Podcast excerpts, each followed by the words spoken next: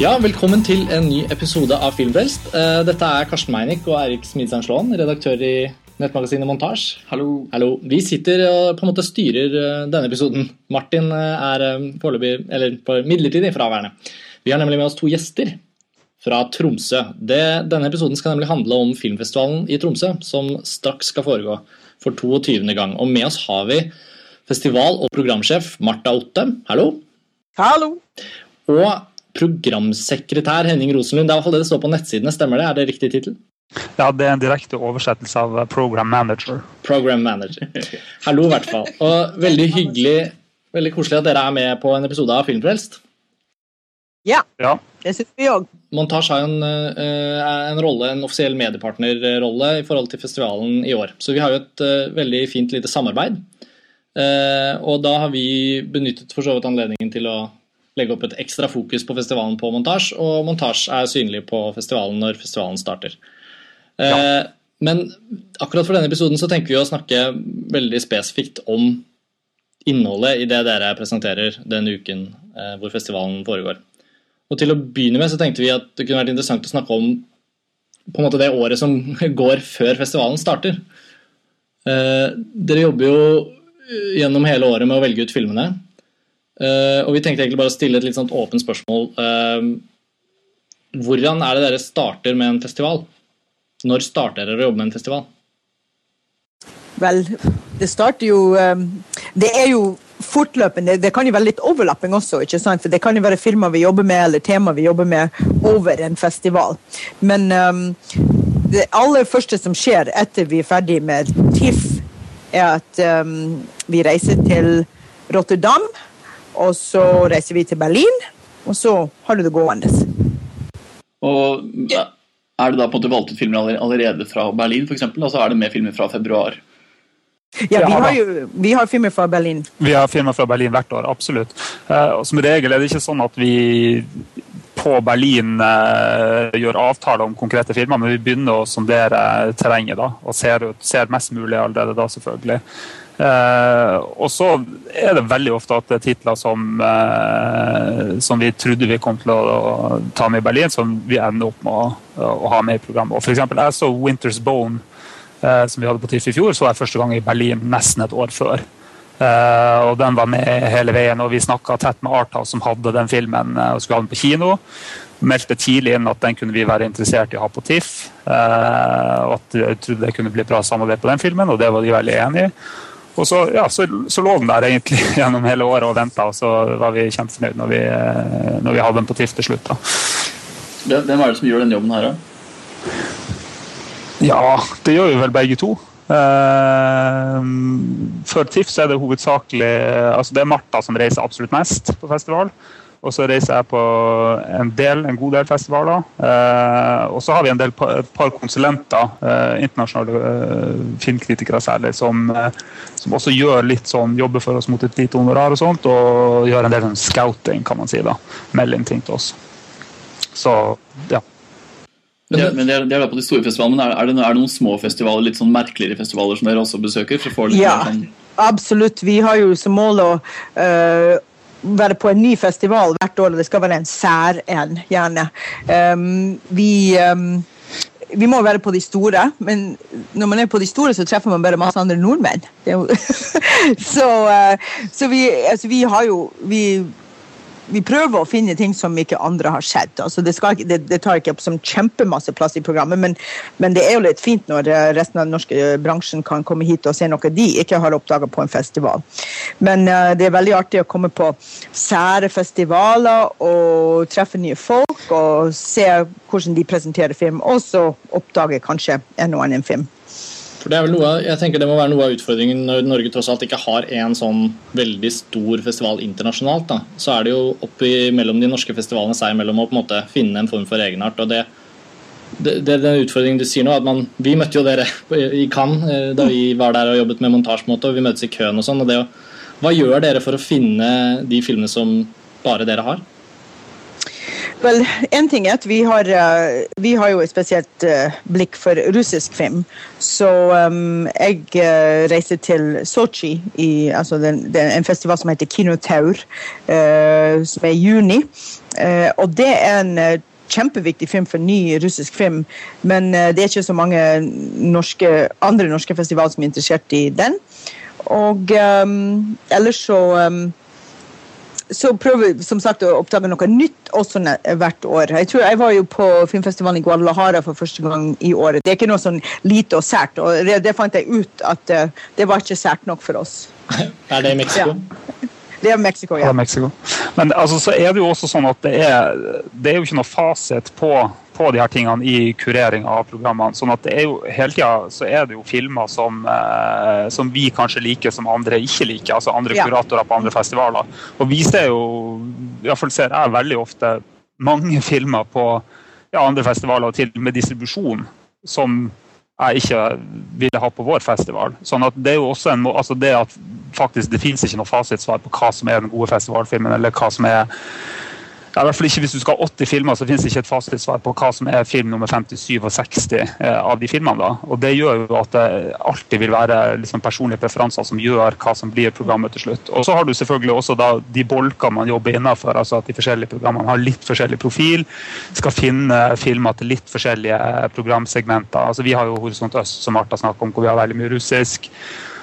Og Biff har f.eks. Eh, Overdrive, nei, eh, Overdrive jeg har eh, dokumentarfilmprogram, ikke sant? så de viser veldig veldig mye dokumentar. og Det er jo også sånn som gjør at, at det blir litt forskjellig. da. Ja, for det er Noe av det mest fascinerende med festivalarbeid for meg er på en måte at i prinsippet så er jo egentlig bare en festival noen få menneskers subjektive, men subjektive mening vist på stort lerret. Sant? Og Det er liksom sånn, det er veldig morsomt for det, det, må være utrolig fascinerende jobb å kunne sitte der og finne sine favorittfilmer og så få lov til å vise dem til et stort publikum. Det må være utrolig Gøy. Ja, på en måte. Men samtidig så mener jeg at sånn, i Tromsø så er det en, eh, så er det en 22-årig tradisjon òg. Sånn at du på en måte, ja, for når jeg begynte med å være med å velge film, så var jeg ganske sånn lydhør for å prøve å sette meg inn i litt sånn hva var rammen for det festivalen har presentert tidligere. ikke sant? At man jobber litt innafor for den profilen òg, da. Ja, man har jo man har både en historie og så har man en, um, en slags forpliktelse overfor et publikum som um, ofte uh, ja, ikke, De er ikke orientert ut i verden nødvendigvis, vi gjør den jobben for dem. Men om jeg skulle bare velge filmer jeg likte, så har det nok ikke bare vært noe for dem. Uh, altså det er jo å finne en balanse der man formidler den viktige filmen også. Noen ganger så har man filmer som man kanskje ikke syns Altså, altså det, man kan si at det er en veldig god film, og man kan si at den kommuniserer med et publikum, men så treffer det kanskje ikke meg helt sånn i magen. Eller jeg og Henning kan være uenige, og vi har jo en fordeling der da vi, vi, vi slipper til våre altså favorittfilmer. Men det, til syvende og sist så handler det om, um, om filmen kommuniserer med publikum om de har noe å melde på en eller annen måte, og om vi greier å sette det i en kontekst som, som uh, gjør at den kommer til sin rett eh, her i Tromsø også. Da det, kan man si det sånn at det nesten er måte festivalens eh, identitet i større grad som dikterer det endelige utvalget, enn at det er deres subjektive ja, Det er vel et møte der, tenker jeg. Ja, jeg tror ja, det overlapper veldig. Hva, hva, hva, hva, mener dere er en klassisk uh, TIFF-film? på en måte? Har dere noe, hva ville vært liksom et, et eksempel? Jeg, jeg, jeg, vi skrev en sak her om artikkelen, eller om, om, om programutvalget deres, og da tok jeg opp det at for, eksempel for meg så er Andrej Zvjagintsevs 'Tilbake'. Den mm. filmen har også, når jeg har vært tilbake på TIFF senere, så har jeg tenkt at den filmen er en slags sånn median. da. Det er på en måte, mm. Der ligger liksom TIFF-identiteten et eller annet sted i den filmen. Ja, men det er jo en fin ting. Det er en veldig fin ting at du, du sier det. Vi, jeg tror det er riktig. Den, men det, det, som er spesielt med Tilbake, var at den vant jo også publikumsprisen. Og det, ikke, det kan jo være mange TIFF-filmer som ikke nødvendigvis uh, går hjem hos publikummet, men det kan jo være en, en erke TIFF-film likevel. Men mange vi har jo mange, altså En som var lenge regnet som den typiske TIFF-film, var uh, his, historien, historien, om den gråtende kamel. Det var jo liksom erketiffim. Men hvis vi går lenger tilbake, uh, så var det jo Bad Boy Bubby. Som egentlig var den som satt uh, listen for alle TIFF-filmer, tror jeg. Og det var artig at det var den som ble, når vi hadde 20-årsjubileum, så var det den som ble kåra av publikummet til liksom Den ultimate TIFF-filmen. Den ultimate TIFF-filmen, ja. Så det skal være en det skal, litt, det skal være en særfilm, og det skal, være, det skal være noe som man ikke forventer å se på kino, selv om Tilbake kom jo på kino, og Bad Boy Bobby også. Men um, det er jo TIFFs utgangspunkt var jo det at det skulle være filmer som man ellers ikke fikk sett. Uh, og uh, i 1991 så var det litt lettere, da, for det var jo bare noe som heter VHS ved siden av kinotilbudet. Um, men uh, det er iallfall et, viktig, et viktig element i den der uh, identiteten TIFF-film. Mm. Det er veldig spesielt. Altså, man, man, snakker veldig ofte om at festivaler mangler uh, identitet. Altså, kan ha selvfølgelig en identitet. Og kanskje, kanskje har visse andre festivaler mista litt uh, særpreget de siste årene. I og med at nå har skjedd så veldig mye på DVD og Blu-ray og man kan importere film selv osv. Men det er jo på en måte litt imponerende at TIFF er, for, TIFF er jo for meg den festivalen i Norge som har tydeligst uh, identitet, og det handler veldig mye om de filmene her. Uh, og Karsten skrev jo litt om det der med lyset og hvordan på en måte fotoarbeidet er. og Det er jo en del sånn, det er en sånn egen stemning i en TIFF-film, føler jeg. Er det noe som mm. dere også på en måte føler på? ja, altså, jeg føler vel kanskje at det, ja, altså, Jeg skjønner veldig godt hvor det der kommer fra. og jeg tenker at TIFF ble raskt den store festivalen ved siden av eh, Eller ble, ble jo større publikumsmessig enn Haugesundfestivalen også, da. Men ble liksom den, den, store festivalen som man dro til, og som skulle ha et veldig alternativt eh, program i forhold til det som var det vanlige kinorepertoaret. Og der tror jeg det, det kom inn. Eh, men jeg syns jo at vi har eh, at vi har et variert program. da. Eh, at det ikke bare er de her eh, som litt som jeg oppfatter denne artikkelen din, Karsten, altså det er litt langsomme filmene som er litt sånn kontemplative, og hvor man skal sitte og, og tenke seg om. da. Jeg syns vi har en litt mer variert meny enn det. da. Eh, selv om vi selvfølgelig også har, har den type film. Jeg har lyst til å kommentere det der med Hvis man beveger seg fra enkeltfilmnivået til programmet som helhet, så var det for et par år siden så hadde vi um, Uh, vi hadde Hipsters, uh, den russiske filmen Musical, da, uh, som åpningsfilm. Og så hadde vi en finsk komedie som avslutningsfilm. Og da tenkte jeg at her har vi iallfall TIFF i et nøtteskall. Det hadde ikke vært noen annen norsk festival som hadde tatt borti de filmene med, med ja, tang. Så, um, og det var da, da følte, jeg veldig, jeg følte meg veldig trygg på at jeg visste hvem vi er, og at det var kommunisert utad. Og at folk også koste seg med de filmene. De, de var begge ganske um, ja, morsomme filmer. da.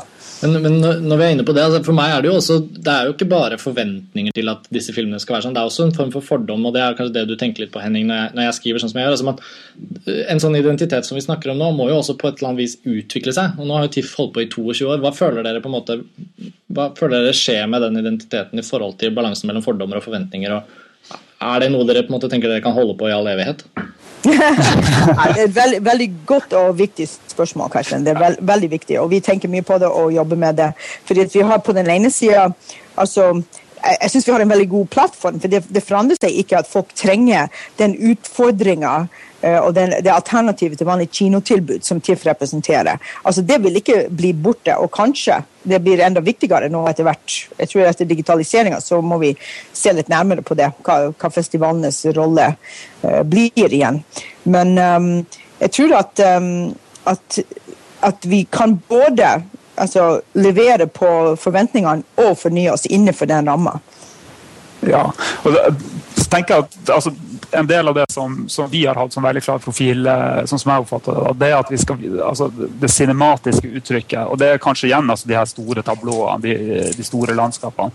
At det er viktig. Og den type film kan det hende at eh, i en sånn veldig mer og mer digitalisert, mindre 35 eh, mindre filmskutt på 35-verden, så kan det jo hende at, at, det blir vanskelig å finne de store sånn At det går lengre tid mellom de store høydepunktene her. da uh, lengre tid mellom hver gang det kommer en returen. Liksom. Uh, det vi har gjort i de siste, siste par årene, det er at vi har satsa mer på, uh, på, på, retrospektiv, og at deler av programmet er ja, spesielt kur kuraterte ting, ikke bare 80 filmer som er liksom de beste filmene fra året som gikk, men at vi viser ting i, ja, i sammenheng. da. Altså, det motarbeider hele tanken på altså, film som ferskvare. Altså, det er også en del av vårt prosjekt i et uh, større perspektiv. At, uh, at uh, Som et svar på kinotilbudet ellers, så er det det at, at film er mer enn bare den øyeblikksopplevelsen og det der som er tilfredsstillende med, altså, mens du sitter der. Du, altså, vi prøver å gi litt mer enn det. Altså At man skal ha med seg noen hjem. Man skal få litt motstand og utfordring på, på i programmet. Mm. Og Apropos det, kan jo, vi kan jo gå litt konkret inn på årets uh, utvalg. da. Uh, for det, Vi har jo vært gjennom det og, og, og scrollet litt, og, og, det føles jo veldig som et TIFF-program. ja, det er jo flott. Og det er bra. Ja. Uh, men vi tenkte kanskje vi kunne bare liksom snakke oss litt gjennom ting. altså Konkurranseprogrammet, hovedkonkurransen i TIFF, har jo på en måte ja. en veldig ærverdig pris i den forstand at vinnerfilmen faktisk får støtte til å bli lansert på kino i Norge. Uh, hvordan, hvordan, jobber dere med utvalget til det programmet? Ja, da må vi vel kanskje komme med en liten merknad først. Eh, altså, dette er kanskje kjedelig for podkastlytterne, men altså, i, år, i, år, har vi vært eh, uheldige, vi og alle festivalene i Norge, med at vi har mista en god del penger fra Film og Kino, som, som støtter festivalene. Eh, Bl.a. har vi mista støtte til denne importprisen. Eh, og de kuttene vi har fått var så store og kom så sent at vi har rett og slett ikke klart å få inn, eh, få en ny dekning der. Altså, vi, fikk vite, vi fikk vite om dette rett før jul. Sånn at i år får vi faktisk ikke Jeg tror ikke vi klarer å få tak i 100 000. Men det er jo eh, det, må, det, jobber vi med. Men vi skal kåre beste film. Men uh, hvis vi går tilbake til utvalget, som dere spør om, som er det, det, de gode nyhetene, er at vi syns det er et, et, godt program. Vi har, jeg har for så vidt merka meg at det er ingen, uh, ingen komedier der. men uh, men det er jo et, et, et knippe kunstnerisk ambisiøse filmer. Det er jo to dokumentarfilmer der. Det er jo um, film med litterært forelegg, og det er um, ja, det er litt Det høres så tannløst ut å si litt av hvert, men jeg liker det at det er litt spredning, samtidig som det er som vold, veldig tyngde. Uh, jeg er veldig, veldig fornøyd med den første filmen jeg tror jeg var helt sikker på vi skulle ha i år, var, i programmet, var Jean Gentil. Og Det var en film jeg så faktisk i Guadalajara, men den hadde vært i, det var i, i, mars, men den hadde vært i Berlin. Og det tror jeg heller ikke var altså, verdenspremiere. Eh, men dette er jo en, en sånn veldig veldig tiff film, og det er det dere snakker om når dere snakker om slow cinema, så er dette et eksempel på det. Eh, men eh, en utrolig en sånn gripende og vakker, uh, vakker, trist film som jeg er veldig glad for å ha i programmet. Men så har man et motstykke i Stopped on Track, som var i Certain Regard i Cannes, den tyske filmen om, om, en mann som får hjernesvulst. Veldig hverdagslig og veldig um, um, veldig sånn platt filmspråk, kan man si. Men gud hvor den kommer inn, på huden, inn i huden på en familie som, som får altså en, der far har, får en dødsdom. Så det er noe med både tematisk spredning, filmspråket Altså eh, regissører som er ute i forskjellige ærend. Veldig spennende, syns jeg. Ja. Ja, men Er det kanskje et poeng også her at filmene ikke skal ha norske distributører om bord? Ja, takk, takk. tilbake til kriteriene. De, skal ikke ha, de kan ha norsk distributør, men de skal ikke ha vært vist tidligere i Norge. Så de har norsk premiere. Hva med deg? Altså, har, Hvilke filmer ja, brenner for? Hvilke filmer jeg liker ja. i, i, konkurransen? Mm. Altså, det jeg må innrømme at jeg har ikke sett alle i konkurransen. Eh, hvis jeg skulle trekke fram filmer, så ville jeg kanskje trekke fram 'Bullhead', som vel også gikk i Berlin allerede. Altså Nok en film som Den har ikke vært på noen norske festivaler, men så den på Berlin for nesten et år siden. Eh, som er interessant, og som er utrolig, uh, utrolig bra uh, foto- og regiarbeid på. Særlig uh, med tanke på at det er en, en debutfilm i spillefilmformatet. Og så kommer man ikke unna en film som Elena, eh, som er ja, av regissøren av returen, da, eh, hans siste film. Ja, ja, ja. Og den er, Der er han tilbake i god form, altså. Så den kan alle glede seg til. Men jeg, må, jeg så, så, det at eh, dere kommenterte Tomboy og savnet den i konkurranseprogrammet. Helt, helt enige, men den har vært vist i Norge. Den var jo på Skeive filmer. Og uh, vi er så strenge på den, uh, det kriteriet at uh, vi måtte Og det gjorde vondt. Ja, det, er frykt, det, er fryktelig synd, for det ja. ja. Vi har jo trukket den fram begge to her. eh, Vi har, jo, vi, har, vi har jo sett mange av filmene, vi også. I og med at vi bodde i New York i høst, så har vi sett en del av de der borte. Og vi så blant annet Tomboy, og for oss er vel Tomboy den store store anbefalingen i, eh, i programmet. Fordi det er en film Ja. som for meg hører, hører den ikke hjemme i noen kategori. Den hører heller ikke hjemme i noen, i noen referanser til tidligere filmer. Den er bare helt enestående da, på alle måter. Helt jeg er så enig. Men samtidig så ser man at, det, eh, eh, at hun, eh, regissøren har også laget Water Lily, som vant her for et par år siden. Det er jo det er hennes måte å jobbe med barn på som, som er bare helt enestående. Eh, og når det er sagt, så har vi, ut, vi har lagt merke til, uten at det var et prosjekt for oss, men vi har utrolig mange filmer med sterke roller for barn fantastiske presentasjoner, uh, prestasjoner, og um, det er jo et, et studie for seg. Altså, så hvor mange, hvor mange filmer har bærende roller for barn? Hva med filmer som ikke kanskje nødvendigvis er så tematisk interessante, men som har mer visuelle eh, ambisjoner, som dere kan snakke om? Filmer som er sånn mer eh, filmeskapisme på det visuelle planet? Ja, dere mener vel at The Artist er sånn? Ja, både og. Altså, vi var jo litt, kanskje litt skuffa over The Artist, må vi innrømme. Vi syns den var litt tafatt. The Artist um, Ja, jeg ser det dere sier, at det, det, den historien uh, uh, ikke noe som vi kanskje har med oss videre. Men jeg tror det som jeg gledet meg over, var den der uh, klassiske Hollywood-opplevelsen som, som helhet. Og, og var det en del Det, det er klart at det var en del Hollywood-filmer som virkelig hadde noe dypere å melde enn den her, men uh, samtidig så, så tror jeg at dette her i dag, så får den filmen en en, um, altså den der type opplevelsen av glede. Og, og litt, litt trist og litt, uh, litt motstand og sånt, men sånn akkurat Ja, så er det jo noe med, med hovedrolleinnehaveren, da. Eh, og den han er stilig. Veldig fin. Mm. Men, men, men begge to, både dama og mannen, syns jeg. Han mannen har jeg fått mye oppmerksomhet. Husker ikke navnet på han helt fra, men eh, hun dama er jo veldig, veldig god. Han heter Jean Dujardin, skal jeg si deg. Og har, han er så stilig at vi har nå valgt å vi, På siste liten en som, uh, film som ikke står i, kal i katalogen, men som er på websiden, uh, så uh, har vi tatt inn en annen film med han eh, som heter Little White Lies.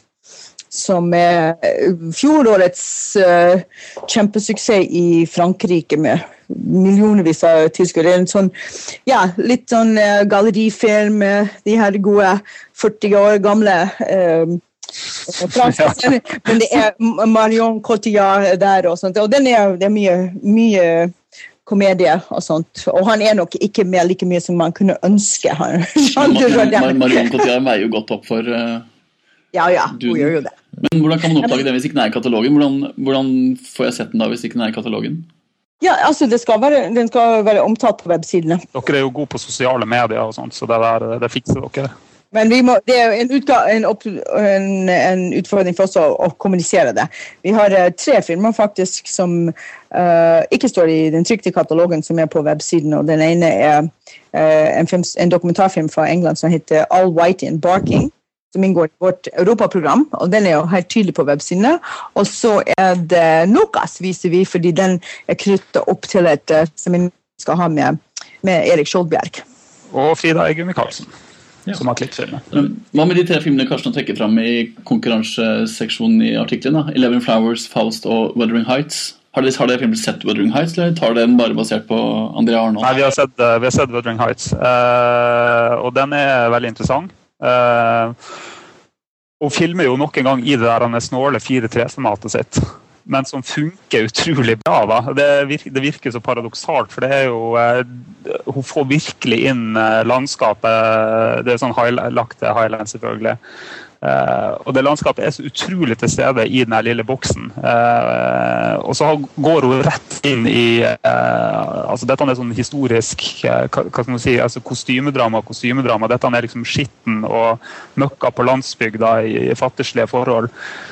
Helt sånn under huden. Uh, utrolig tett med den, uh, med den filminga hennes. Så den er, nei, den er veldig spesiell. For Den høres ut som en veldig sånn spennende ny retning for henne, i den forstand at hun da kanskje forflytter det der språket sitt fra Red Road, som jeg syns er så fantastisk, som jeg så på TIFF for noen år siden, og, og fra Og Fish Fish Tank. Ish, tenker jeg. Ja, Mm. altså det som, er, det som er spesielt, men, eh, men på en måte likt av med de andre filmene, det er jo at hun tar den settinga og går inn i alt det sånn 100% på alvor. Sånn at Dette er jo ikke sånn periodedrama hvor man umiddelbart kjenner seg igjen i alle valgene. Altså Det virker veldig som hun har satt seg inn i hvordan tenkte de her folkene der. altså sånn helt går, Prøve å gå inn i det på, på karakterene og epoken sine premisser. da, eh, Og fremstille eh, ei tid sånn som det var. Så det fascinerende. Da er det kanskje et tydelig kontrast til Sokorovs Faust. da. I og med at den har Bruno Del Bonel-foto, altså Jean-Pierre Genet sin fotograf. Bruno Ja. Del. Er det visuelt i helt andre skalaen? sannsynligvis? Ja, på en måte. Ja, det er jo det, da. på en måte. Altså, nei, Begge to er jo sånn utrolig bra bruk av farger og utrolig bra bruk av lys. Og det, men, på hver sine måter. da. Og, altså, han bruker jo, altså På FAUS så bruker han jo veldig mye linser som er, som er skeive, eller som det er, noe, altså, som er, som det er forstyrrelse i. da. Og det gjør hun vel ikke direkte i uh, Wuthering Heights, men det er mye filming gjennom glass og mye filming gjennom på en måte sånne ting som eh, altså Hva heter det? Gjør det obskurt, altså gjør at bildet blir litt sånn vridd og sånt. Så det er for så vidt likhetstrekk med de to filmene, faktisk. Men det er mye mer dialog i Faust. Det er vanvittig mye dialog. i Faust. Men det er vanvittig mye dialog, og så er det noen sånne glimt av uh, virkelig uh, filmatisk skjønnhet hvor det blir stille. da, Hvor karakterene uh, holder kjeft. Og så er det kamera som, eh, og lyset som bare gjør det liksom i ja, i en lang sekvens. Ja, den, men den er krevende. altså Det må du si. Det er vel en av de eh, Hvis man skal Ja. snakke om en krevende film, så er Faust eh, kanskje en av de virkelig sånn. Som det skal være når det kommer fra Sukharov. Helt klart. På en, på en festival hvor det er mørkt ute og mørkt i kinosalen. ja. Vi, jeg vet ikke om folk har lagt merke til at vi, vi har et eh, lite sånn eh, varemerke i Tromsø som går på maratonvisning. Eh, jeg har ikke sett at noen har kommentert det, men vi har um, hatt de siste årene noe Alltid noe som krever sitt også fysisk. Eh, jeg tror det begynte egentlig med, med Red, Riding, Red Riding Trilogy for et par år siden. Så um, I fjor så hadde vi et sett med ting. Vi hadde jo Sukharovs dokumentarfilmer. To av dem var liksom rundt fem timer lange. Men så hadde vi også, så hadde vi også Carlos. Hadde vi. Ja, Ja. Carlos Oppnes. Det var vi. Det var fem og en halv time, det. Det var deilig. Ja. ja, ja, ikke sant? Og vi må ikke glemme at uh, Asias kommer i år, og vi kan jo spørre han om Carlos. Men iallfall Regissøren av når Carlos kommer til TIFF, ja. Stemmer. Ja, riktig. Men uh, av de, de, årets, uh, årets maraton, vi har to. Det ene er um, noe som ligner veldig på Red Riding uh, Trilogy, og den, den er, men den er tysk, da. Tre ganger tre. eh, Dreileben heter eh, prosjektet. Og eh, tre tyske regissører. Disse var vel i Berlin i fjor. Eh, tre spennende regissører og tre forskjellige måter å løse eh, altså både filmatisk og og um, så, også i, i fortellinga. Uh, historier som kretser om, opp, opp imot hverandre uten at de, de er helt, uh, helt sydd sammen. Og veldig, veldig spennende. Og det andre maratonet er da uh, en dokumentarserie som heter Women War and Peace, som også varer fem timer. da. Og um, uh, vanvittig flott uh, produksjon av public television i USA som, som vi er glad for å presentere. Så det er to, to utholdenhetsprøver, men også veldig uh, tilfredsstillende på hver sitt vis. Det er jo morsomt for, format, eh, det. og liksom, eh, Det er jo der kanskje festivalen også kan bruke liksom, rammene som publikum har vent seg til. Da, og se mye film og kanskje da sette, sette seg ned til på sånne maratoner. Det er verdt å nevne nå at nå har vi på en måte beveget oss over fra konkurranseprogrammet og inn i Yes! horisonter. Vi har jo både snakket om Tomboy og litt om The Artist, og nå om Dreileben. Horisonter er jo da liksom på en måte eh, et, et nesten vel så sterkt program som konkurranseprogrammet når man måte ved første øyekast. Der er det jo på en måte, som dere skriver selv, bare kvalitet som teller. Ja, eh, på en litt annen måte. Så det er selvfølgelig kvalitet i um, konkurranseprogrammet, men der er det eh, um, altså, kriteriene i horisonter er det at um, det skal være de gode filmene, det skal gi et, et overblikk over det som har skjedd i, i, i, verden det siste året, og vel så det. Sånn at um, Der dukker det opp uh, prisvinnende filmer fra andre festivaler, og uh, ja, få litt overblikk. Da må du vel også si at det programmet vårt bruker å være større enn det i år. Altså I år så har vi så mange andre sideprogrammer at vi var rett og slett nødt til å kutte ned på horisonter. Så i år gir det kanskje et et litt dårligere overblikk over hele resten av filmverdenen, i hvert fall. Men vanligvis har vi jo brukt å ha, ha flere titler der, da. Og Det kan nevnes da at det går på uh, at vi har valgt å ha to tematiske bolker, eller sideprogram, uh, som sammen går under overs overskriften i spenn. Og Det er dette, det arabiske programmet og det europeiske programmet. Mm. Men i horisontet, hvilke liksom, høydepunkter vil dere trekke fram? Vi har, sett en del, vi har vært liksom nysgjerrige på en del uh, titler. Der er det jo også litt dokumentarfilmer. Så, jeg må bare spørre med en gang, Denne Giro Dreams of Sushi, ja. en amerikansk dokumentarfilm, kan du fortelle litt om den? Den ble vi veldig nysgjerrige på. Å, den er jo herlig. Uh, altså, den bringer ikke verden framover, altså dokumentarfilm framover, det er ikke det. Men uh, den er Eh, det som den byr på i massevis, er den her nærhet til eh, sin, sitt subjekt. Og det er Shiro. Han er jo en mann på 80 år som har eh, sushirestaurant i Tokyo. Eh, det spesielle med den restauranten er at han, den har tre Michelin-stjerner. Og er vel den eneste i verden som eh, har Michelin-stjerne som bare serverer sushi. Um, OK, er dette interessant for folk? Vel, Uh, det som er flott, at den tematiserer ikke bare hans, uh, hans egen liv som, som, håndverker, altså håndverker og mester, sushimester, men også um, forholdet mellom tradisjon og fornyelse og sånt. Han, um, han står for et, et, et, håndverk som holder på å bli borte, må man si. Selv om mange lager sushi, så er det ingen som lager som, som han gjør. Han, um, han, han, har to voksne sønner, ja, voksne sønner, de er over 50 år begge to. Og de får uh, omtrent lov til å tørke disken i, i restauranten. Han har ikke gitt um, gitt dem, sluppet dem helt til ennå. Det, men, det, er jo en sånn, ja. det, ser ut, unnskyld, men det ser ut som en sånn type film som, som dere har ofte noen sånne representanter på TIFF, eh, gjerne innenfor dokumentar, som er litt sånn publikums... Uh, Frieri. Frieri, på en måte. ja, Hvis det er en dokumentar om en 80 år gammel eh, mann og den heter Giro Dreams of Sushi, er liksom publikumsfrieri. Da, da, kommer vi tilbake til TIFF-identiteten igjen, da. Ja, fordi, ja, men liksom, i, med, med, våre fordommer, da, hvis vi sier liksom at TIFF er litt sånn geitefilmer og kamelfilmer, ja. kan vi jo tilføre sushi-filmen som en av supersjangerne i TIFF?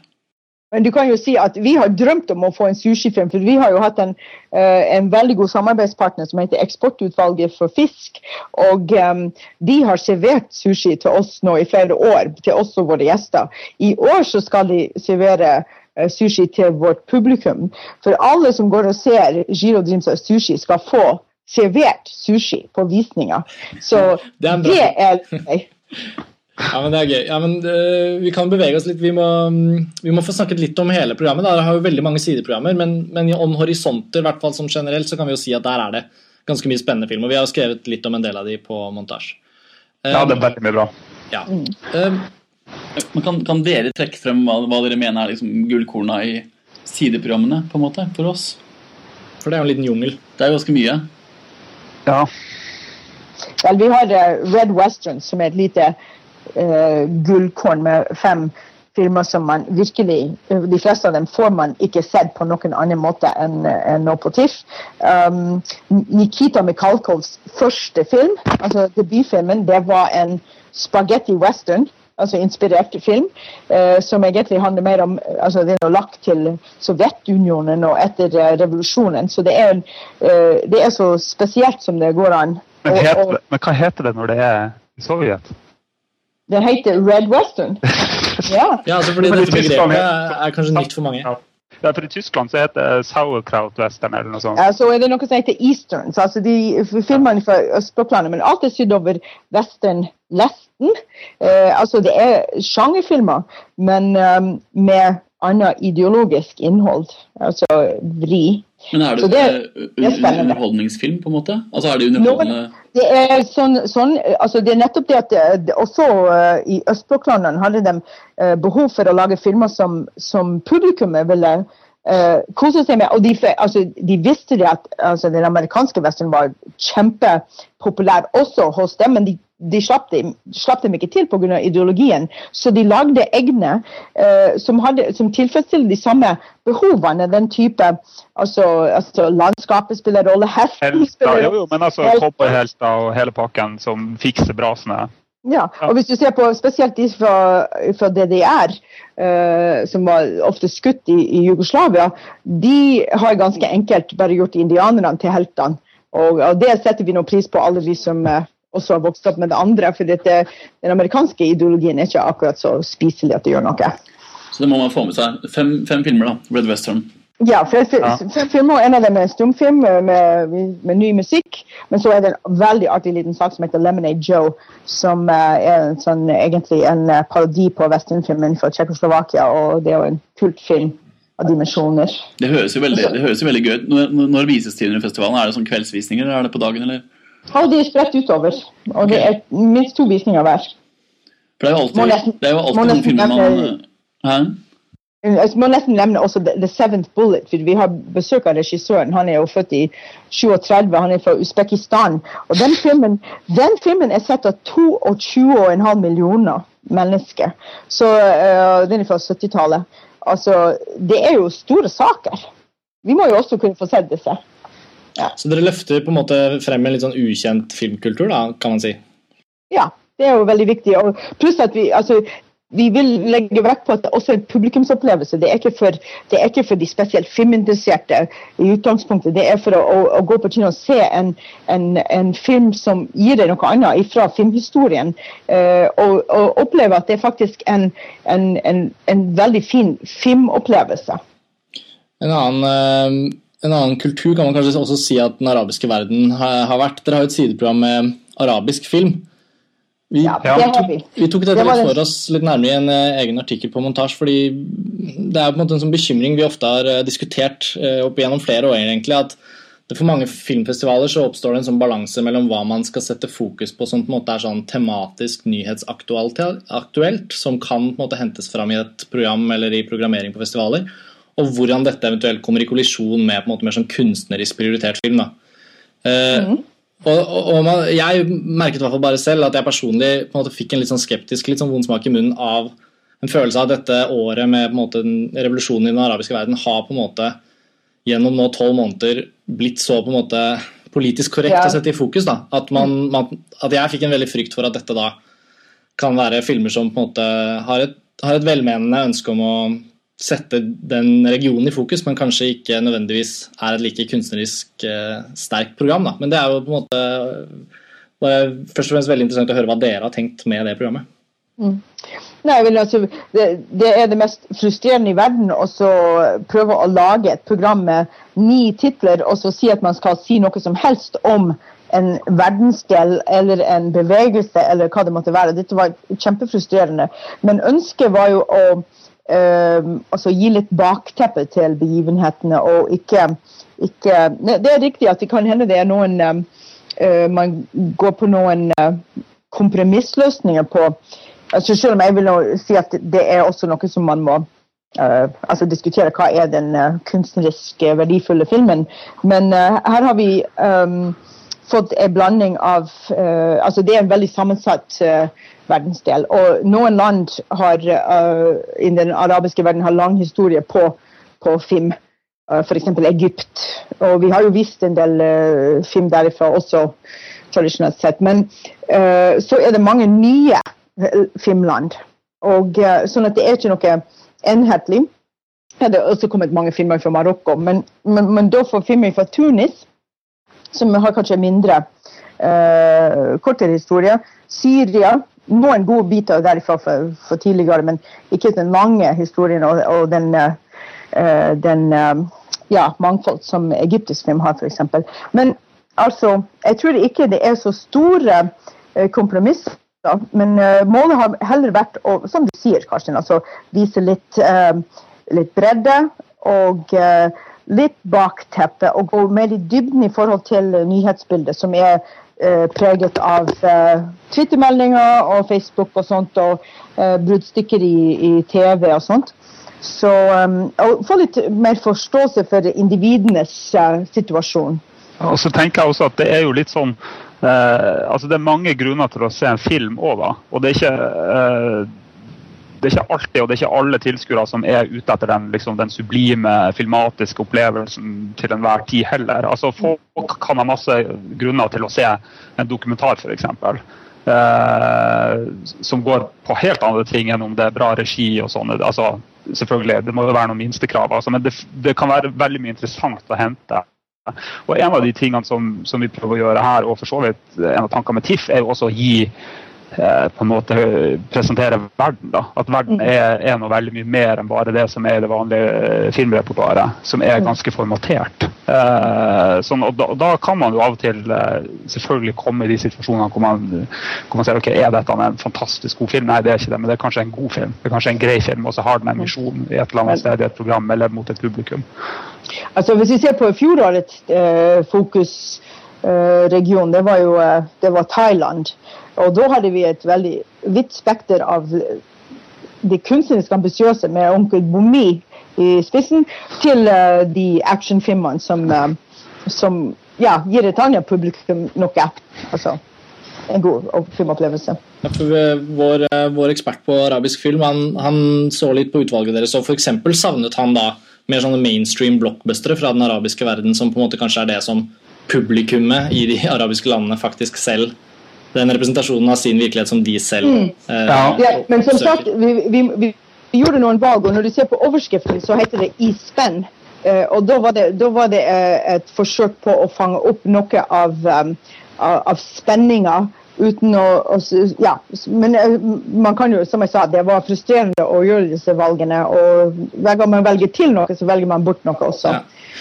Men de er jo i hvert fall i programmet, og det, og det blir jo uansett uh, egentlig da uansett hvilken vinkling det er, så er det jo interessant å, å se om det lar seg gjøre da, å programmere f.eks.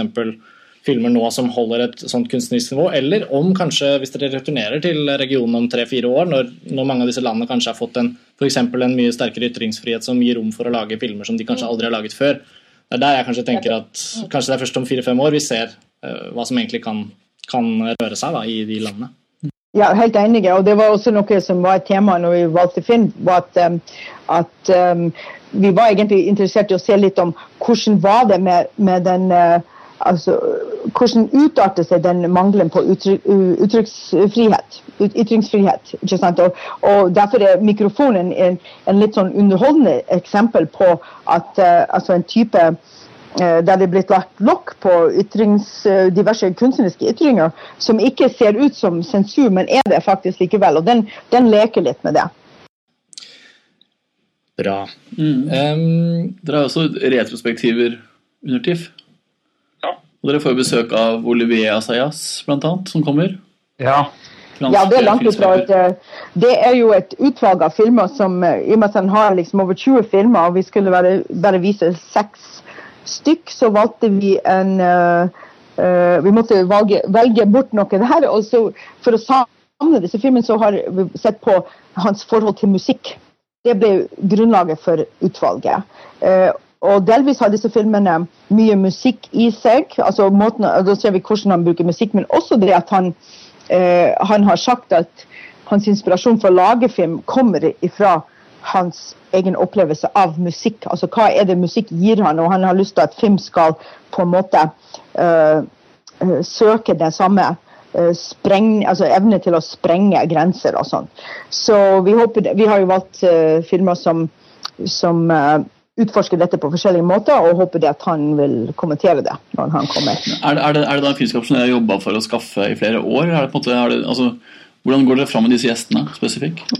Når det gjelder han, så uh, tok jeg kontakt i fjor uh, fordi at jeg var så glad i altså, Jeg har vært uh, veldig glad i Martha er stor stor fan av ham, det må du kunne si. jeg, jeg jobber med å invitere han til Han har jo vært i Norge før. Han var jo på Filmens hus med et dokumentarseminar som vi lagde i Norsk Filmklubbforbund den tida jeg var leder der. Og, og, og da inviterte vi altså, altså, Det var omtrent samtidig som Irma Vepp uh, skulle komme på kino og sånt. om um, jeg husker at Måten jeg fikk tak i han på den gangen, var at jeg uh, sjekka uh, den uh, Dette var i 98 eller noe sånt, og da sjekka jeg telefonkatalogen i Paris for å finne den eneste som heter Olivia altså så sendte jeg en faks.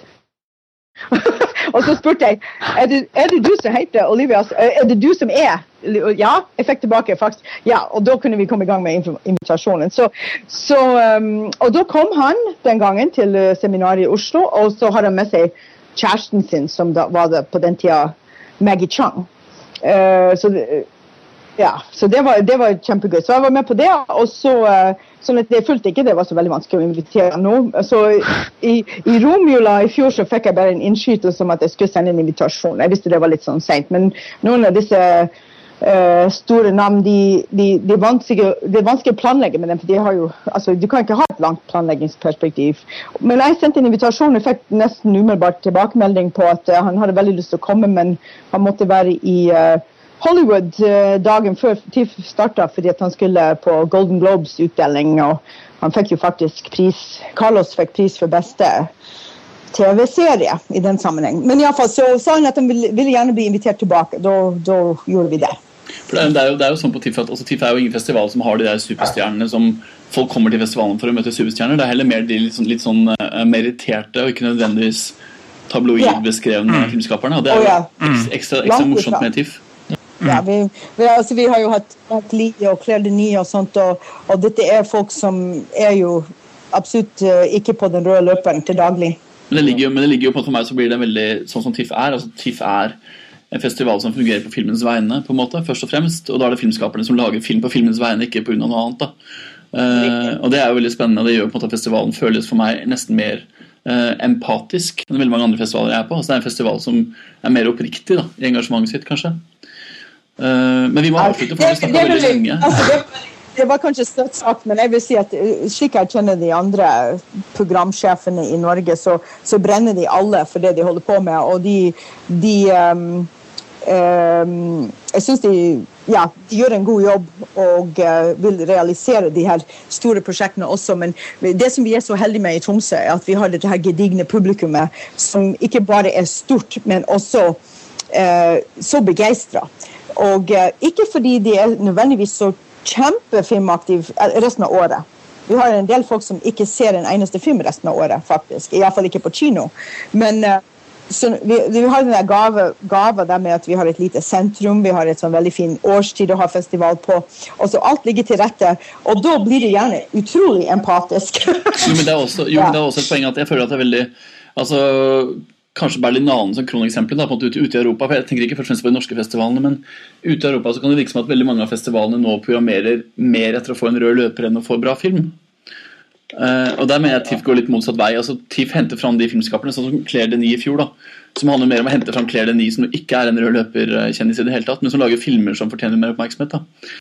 Ja, og Claire de var jo et sånn kjempe Det var veldig bra. Altså, der, der traff vi kjempegodt. For hun, hun, var det mange som ikke hadde fått med seg faktisk i Norge før. Eh, så det var veldig mange som ga tilbakemelding på det etter festivalen. at eh, at de hadde liksom, Nå hadde de plutselig sett fire Claire Denis-filmer, ja. og det var, nå skulle de se alle resten òg, Liksom. Det var utrolig bra tilbakemelding på det.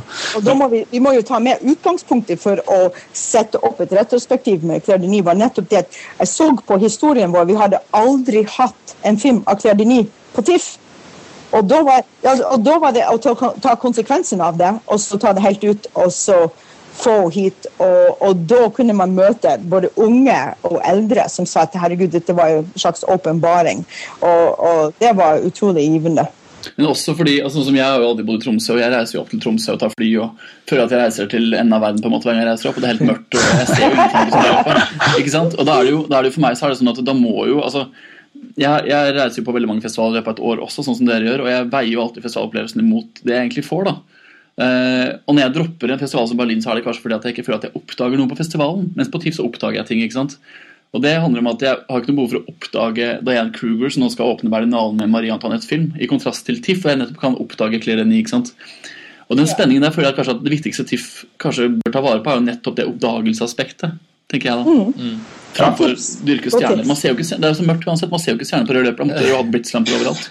Ja, men Det er jo det å fortsette å grave litt i det ukjente, på en måte, eh, på vegne av alle oss som skal se film på festivalen. Mm. Og det må jo, nå har jo Lytterne her er jo på en måte folk som ikke Det er veldig, dessverre veldig få fra Nord-Norge som lytter til denne podkasten. Det er mest folk rundt eh, på Østlandet. Og da kan vi jo si at TIFF er jo nettopp en interessant festival å reise opp til fordi at man kan faktisk sånn oppdage så mange nye dimensjoner ved filmen. da. Uh, som en sånn siste apropos. Men kan ikke dere nå avslutte litt det her, for nå har vi sagt ganske lenge, med deres liksom, Hva er det man skal se på TIFF? Én film. Én film fra dere hver. Åh, Én film! Martha, vi husker det er sånn tradisjon at du nevner liksom én film som er sånn Ja, altså, jeg prøver å komme inn. Ja, men du, du vet nå, det er samme, uh, samme som å spørre en mor med mange unger, altså, hva er din, hvem er din favoritt? det er grusomt. Men det er helt, det er helt greit. Altså, jeg tror at altså, så Jeg har nevnt Jean Gentil. Den er min favoritt på én måte. Og så vil jeg nå si at The Artist er en favoritt på en annen måte. Og så kan jeg ikke la være å nevne en prisvinner fra flere festivaler i Norge allerede, Lasse Akasias. Så jeg, jeg slutter det. Det var tre stykk. Det, var tre favoritter. Nei, jeg må kanskje Jeg vil faktisk trekke fram uh, Elena Uh, som den, den filmen uh, som alle bør se. Den har bare vokst for meg siden, siden jeg så den første gangen. Og eh, så føler jeg at da tar jeg litt opp hansken fra Karsten også. Liksom, at jeg tar det, det er en film som går inn i eh, fordommen om den typiske TIFF-filmen, men eh, som kommer ut og, og liksom gir, da, eh, gir et veldig styrka bilde av fordommen igjen, eller hva man skal si. Det blir veldig bra. Veldig bra. Vi, vi gleder oss. Vi, nå skal montasje være til stede og gjøre ganske mye forskjellig. Vi skal skrive artikler hele tiden, og vi skal lage podkast som, som, som det her. Snakke både ved gjester og ved folk i montasje om hva vi har sett og hva vi har opplevd. Vi skal også ha noen slags sånne innspillinger med noe studio og intervjue gjester osv. Og, så og vi håper jo også å kanskje få fulgt dere litt med kamera og vise hvordan dere har det under TIFF osv. Så, videre. så det blir mye montasjestoff fra TIFF, Kjempebra. rett og slett. Det ser vi veldig frem Dette, blir bare en in, dette er bare en intro. Og hvis, eh, Hey! Intro. Og hvis da lytterne våre er på TIFF, så må dere bare komme bort og ta kontakt eh, med oss der oppe. Mm. Eh, takk for praten. Vi snakkes nok fort igjen, Ja. tenker jeg. Bra. Sjøl takk. Yes. Takk for tiden. Se den på festival. ja, det gjør vi. Ha det bra.